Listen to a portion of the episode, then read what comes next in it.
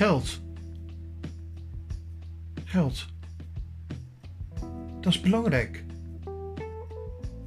Niet onbelangrijk.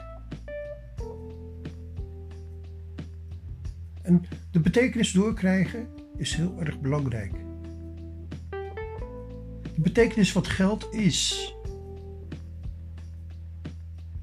Want we groeien allemaal op met het begrip geld. En geld verdienen, dat leerde ik al heel snel.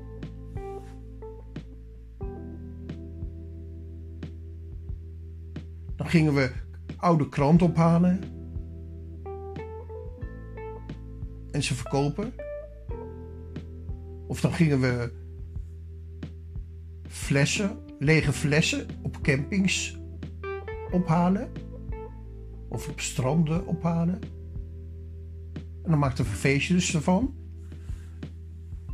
Of dan gingen we vuilnisbakken, gingen we naar mensen terugbrengen en dan kregen we er geld voor.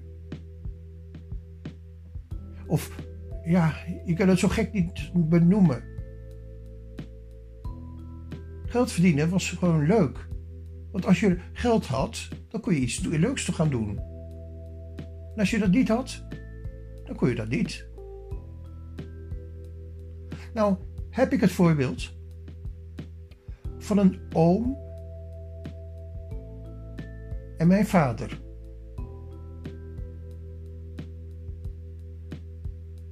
Die twee die waren van grote invloed over mijn begrip van geld.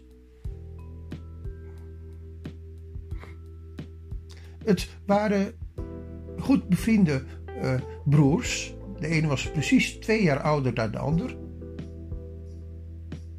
En wanneer ze dan de oorlog meemaakten, want ze hebben de oorlog natuurlijk meegemaakt.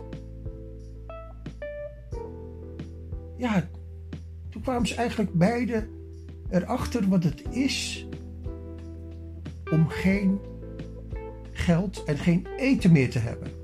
Die twee dingen. Geen geld en geen eten meer. Misschien hebben jullie allemaal wel eens gehoord van de hongerwinter. Het is vreselijk geweest. Dat wil niemand toewensen. En toch ligt dat heel dichtbij. Toch is het zo dichtbij dat je daar zelfs nu nog over kan spreken. Ik heb eigenlijk twee huizen. Een huis in, in Rijswijk en een huis in de Filipijnen, in Gallas. In de stad Dipolog City.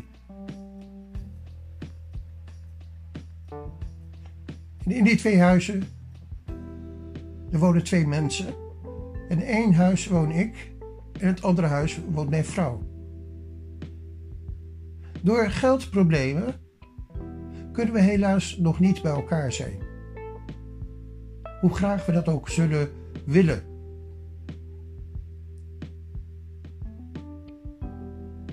Dat is iets heel raars. En dat bepaalt ook voor een deel je leven. En tegelijkertijd denk ik vaak aan mijn vader en mijn oom. Hoe die met geld omgingen. Hoe ze het allebei eigenlijk niet konden. Mijn vader had een gat in zijn hand, die kon nooit met geld omgaan. Mijn oom was multimiljonair. Dat was het tegenovergestelde. En beide waren ze niet gelukkig met hun leven. Beide waren ze verschillend in hun leven. Toch, als ik moet kiezen tussen mijn oom, die dus multimiljonair was, en, en mijn vader, dan houd ik van mijn vader. Hij is al gestorven, maar ik was eigenlijk gek op mijn vader. Natuurlijk was hij irritant en soms heel, heel vervelend. En, heb ik ook wel eens het moeilijk gehad met, met hem. Maar toch heeft hij mij zoveel gegeven van liefde. Van werkelijke liefde. Ook al was hij zo, ja, soms heel irritant en ja, toch echt niet een goed voorbeeld. Ik houd van hem. En ook mijn oom, die mij toch uiteindelijk bepaal, uh, gezegd heeft dat hij het allemaal niet goed heeft gedaan in zijn eerste huwelijk. Dat hij fout had gemaakt. Vond ik, nadat hij dat zo eerlijk tegen mij had bekend, vond ik toch wel heel erg lief. En dat gaat allemaal over geld. En dan moet ik gelijk denken aan Depag Copra. Daar deed ik kort geleden nog een 21-daagse uh, eh, uitdaging mee. En dat ging voornamelijk over mijn idee van geld. En de opdracht die mij het meest bij is gebleven is de oefening dat ik tien keer iets over moest schrijven. Tien keer negen regeltjes over wat geld is. Ik dacht in eerste instantie, nou, dat is toch belachelijk? Ik ben toch geen uh, klein, zit toch niet meer op school? Waar komt u nou mee aan zitten? Uh, negen keer, tien keer iets overschrijven. Ik dacht dat het strafwerk was, want daar moest ik gelijk aan denken. Dat beeld had ik. Maar toen ik ermee begon, toen ik het inderdaad ging overschrijven, en niet alleen in het Engels, ook in het Nederlands. Ik vertaalde alles. Ik, ja, anders werkt het niet goed in je, op je in, zeg maar. Je moet het vertalen. En ik vertaalde ook allemaal. En ja, dan kwam ik erachter. Nou, er zaten hele, ja, heel erg rake zinnen zaten erbij. En die begrijp je niet in één keer. Dat lees je gewoon overheen. En, en dat principe, dat je zomaar over iets heen leest. En natuurlijk iets telkens moet herhalen en herhalen en herhalen en herhalen en herhaling. Ja, dat, dat heeft uh, Deepak Chopra mij geleerd. Het is ook een van de uh, meest bijzondere mensen misschien wel met, uh, met uitdagingen, vind ik. En ja, ik, ik, als je er nog nooit van gehoord hebt, dan moet je er zeker eens naar kijken. Ik heb verschillende filmpjes ook opgenomen. Vanuit die, vanuit die op de groep gesteld werden. En die, ja, ik vond ze geweldig. Maar ook sprak ik mezelf af en toe wel eens tegen. Uh, ja, dan moest ik een regeltje op, op, opschrijven. Van dat ik heel erg rijk was, terwijl ik geen cent had. Maar toch dat gevoel dat je, dat je rijkdom hebt, geestelijke rijkdom, en die heb ik zeer zeker. En daar kan ik mensen van overtuigen. Daar kan ik mensen mee overtuigen. Ja, dat is veel kostbaarder. Maar hoe plaats ik dat in de realiteit? Daar zit ik nog steeds mee te worstelen. Ik ben een heel rijk mens. Een gezegend mens. Ik heb heel veel liefde voor heel veel mensen. Maar toch kan ik het niet opzetten in geld. En ik ben blij dat ik gisteren een gesprek had met, met een goede vriend. Die iets zakelijker is dan ik. En hij vroeg mij: Hans, jij, jij kan uh, podcast maken, hè? Ja, dat kan ik. Dat heb ik geleerd. Toen ik naar Saraya kijk. Kijk. Uh, Hans, zou jij ons komende week willen helpen om een podcast te maken? Natuurlijk wil ik dat. Ja, dan, de eerste dag mag je dat dan, uh, vraag ik je om dat voor niks te doen. Maar daarna gaan we kijken of we je daarvoor kunnen betalen. Ik heb de ja, uitdaging natuurlijk aangenomen. Want ja, het was een man die, die eigenlijk een, uh, ja, hij noemde zichzelf vaak praatjesmaker. Maar het is een heel bijzonder mens. Hij organiseerde allemaal bijeenkomsten, vooral voor mensen met Surinaamse achtergronden of uh, uit Curaçao. En ja, daar heeft hij in de Rijswijk een heel centrum eigenlijk uh, voor gehad. Om, om juist op één plaats allemaal mensen met, die de achtergrond hadden van Suriname of, van uh, Curaçao of andere kolonies. Ja, die, de dat gevoel van kolonies had ik natuurlijk ook iets mee. Want daar had ik een hele grote studie van gedaan. Ik had gekeken naar, ja, naar, die, naar het feit dat. Ja, wat, wat, wat is een kolonie? De Filipijnen, daar ging ik naar kijken. Ik, een fantastische kunstenaar kwam ik daar tegen. Die niet alleen kunstenaar was, maar ook dokter. Twintig talen sprak. En ongelooflijk belangrijk is geweest, ook voor Europa. En niemand die, die dat weet. Niemand die dat weet. Het is ongelooflijk, maar ik wil die rijkdom delen van die kennis. Maar ja, voordat je het weet, uh, roepen mensen mij al toe van ja, jij, uh, Jij, jij, jij verijdelt die man. Of jij, jij, kijkt niet met goede ogen daarnaar. Doe ik wel. Ik uh, weiger dat te geloven. En ik, ja, ik heb daar natuurlijk heel veel energie in gestoken. Energie waar ik niet voor betaald kreeg. Maar wel uh, ja, die een hele grote schat van, van, van uh, zichtbaarheid heeft gegeven. En die zichtbaarheid, die wil ik aan jou geven. Die wil ik aan iedereen geven.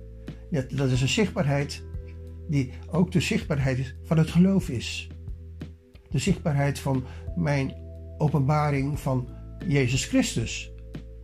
Ja, misschien moet je daar niks van hebben. Dan denk je nu van, oh, heb, heb je weer zo'n Jezus, uh, Jezusman die denkt dat Jezus redt? Ja, Alhoewel ik gek ben geweest op Robert Long met zijn liedje van Jezus Red. Hij, hij, heeft een liedje uh, gemaakt wat een grote indruk op mij had.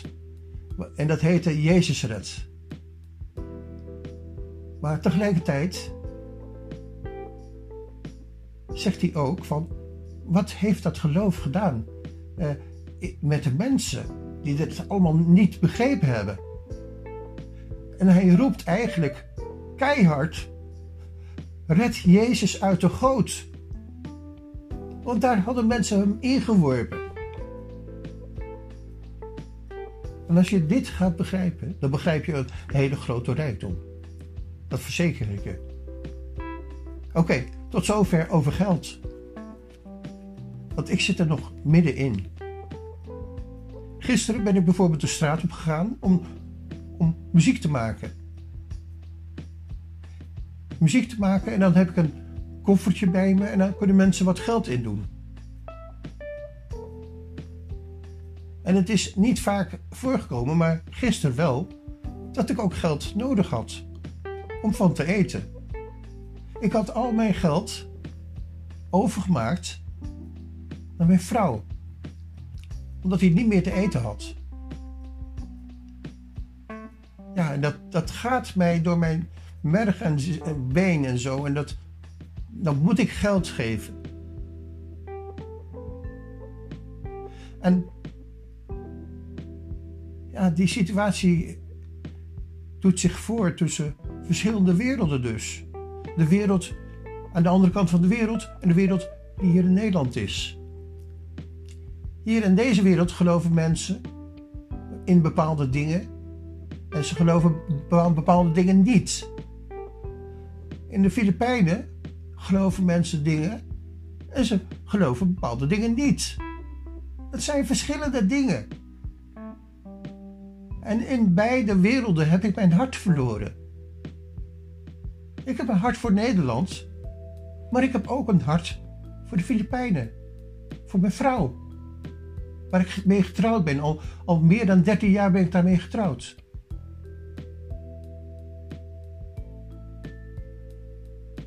Dat is de situatie waarin ik, waarin ik verkeer. dat heeft alles met geld te maken. En ik, ik droom ervan om meer geld te hebben en meer geld te verdienen. Ja, echt waar. Dus heb, je, heb, heb jij behoefte aan grote rijkdom? En wil je dat delen met mij? Rijkdom die ik heb, is geestelijk.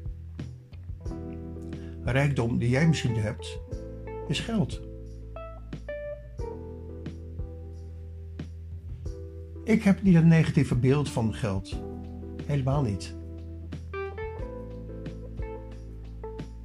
Maar ik zie wel wat geld met mensen doet. En hoe geld mensen macht van mensen maakt. Hoe zelfs, zelfs Ilko de Boer eigenlijk uh, op een bepaalde manier ook iemand is die, die mij veroordeelt omdat ik geen geld heb. En dat doet hij niet zelf. Nee, dat laat hij, laat hij anderen doen dan laat die andere mensen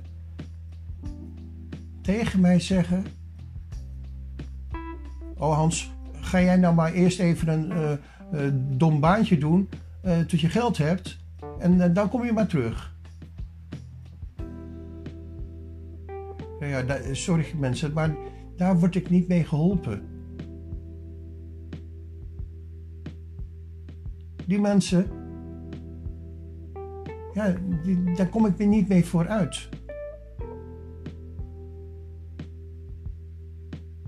Ik heb mensen nodig die, die een hart hebben voor andere mensen. En die eigenlijk ook een hart hebben voor mensen die helemaal niks hebben. Want als je dat niet meer ziet, dan vergeet je een heel belangrijk element. Ja, en tot zover wil ik het even laten, deze podcast. Over geld.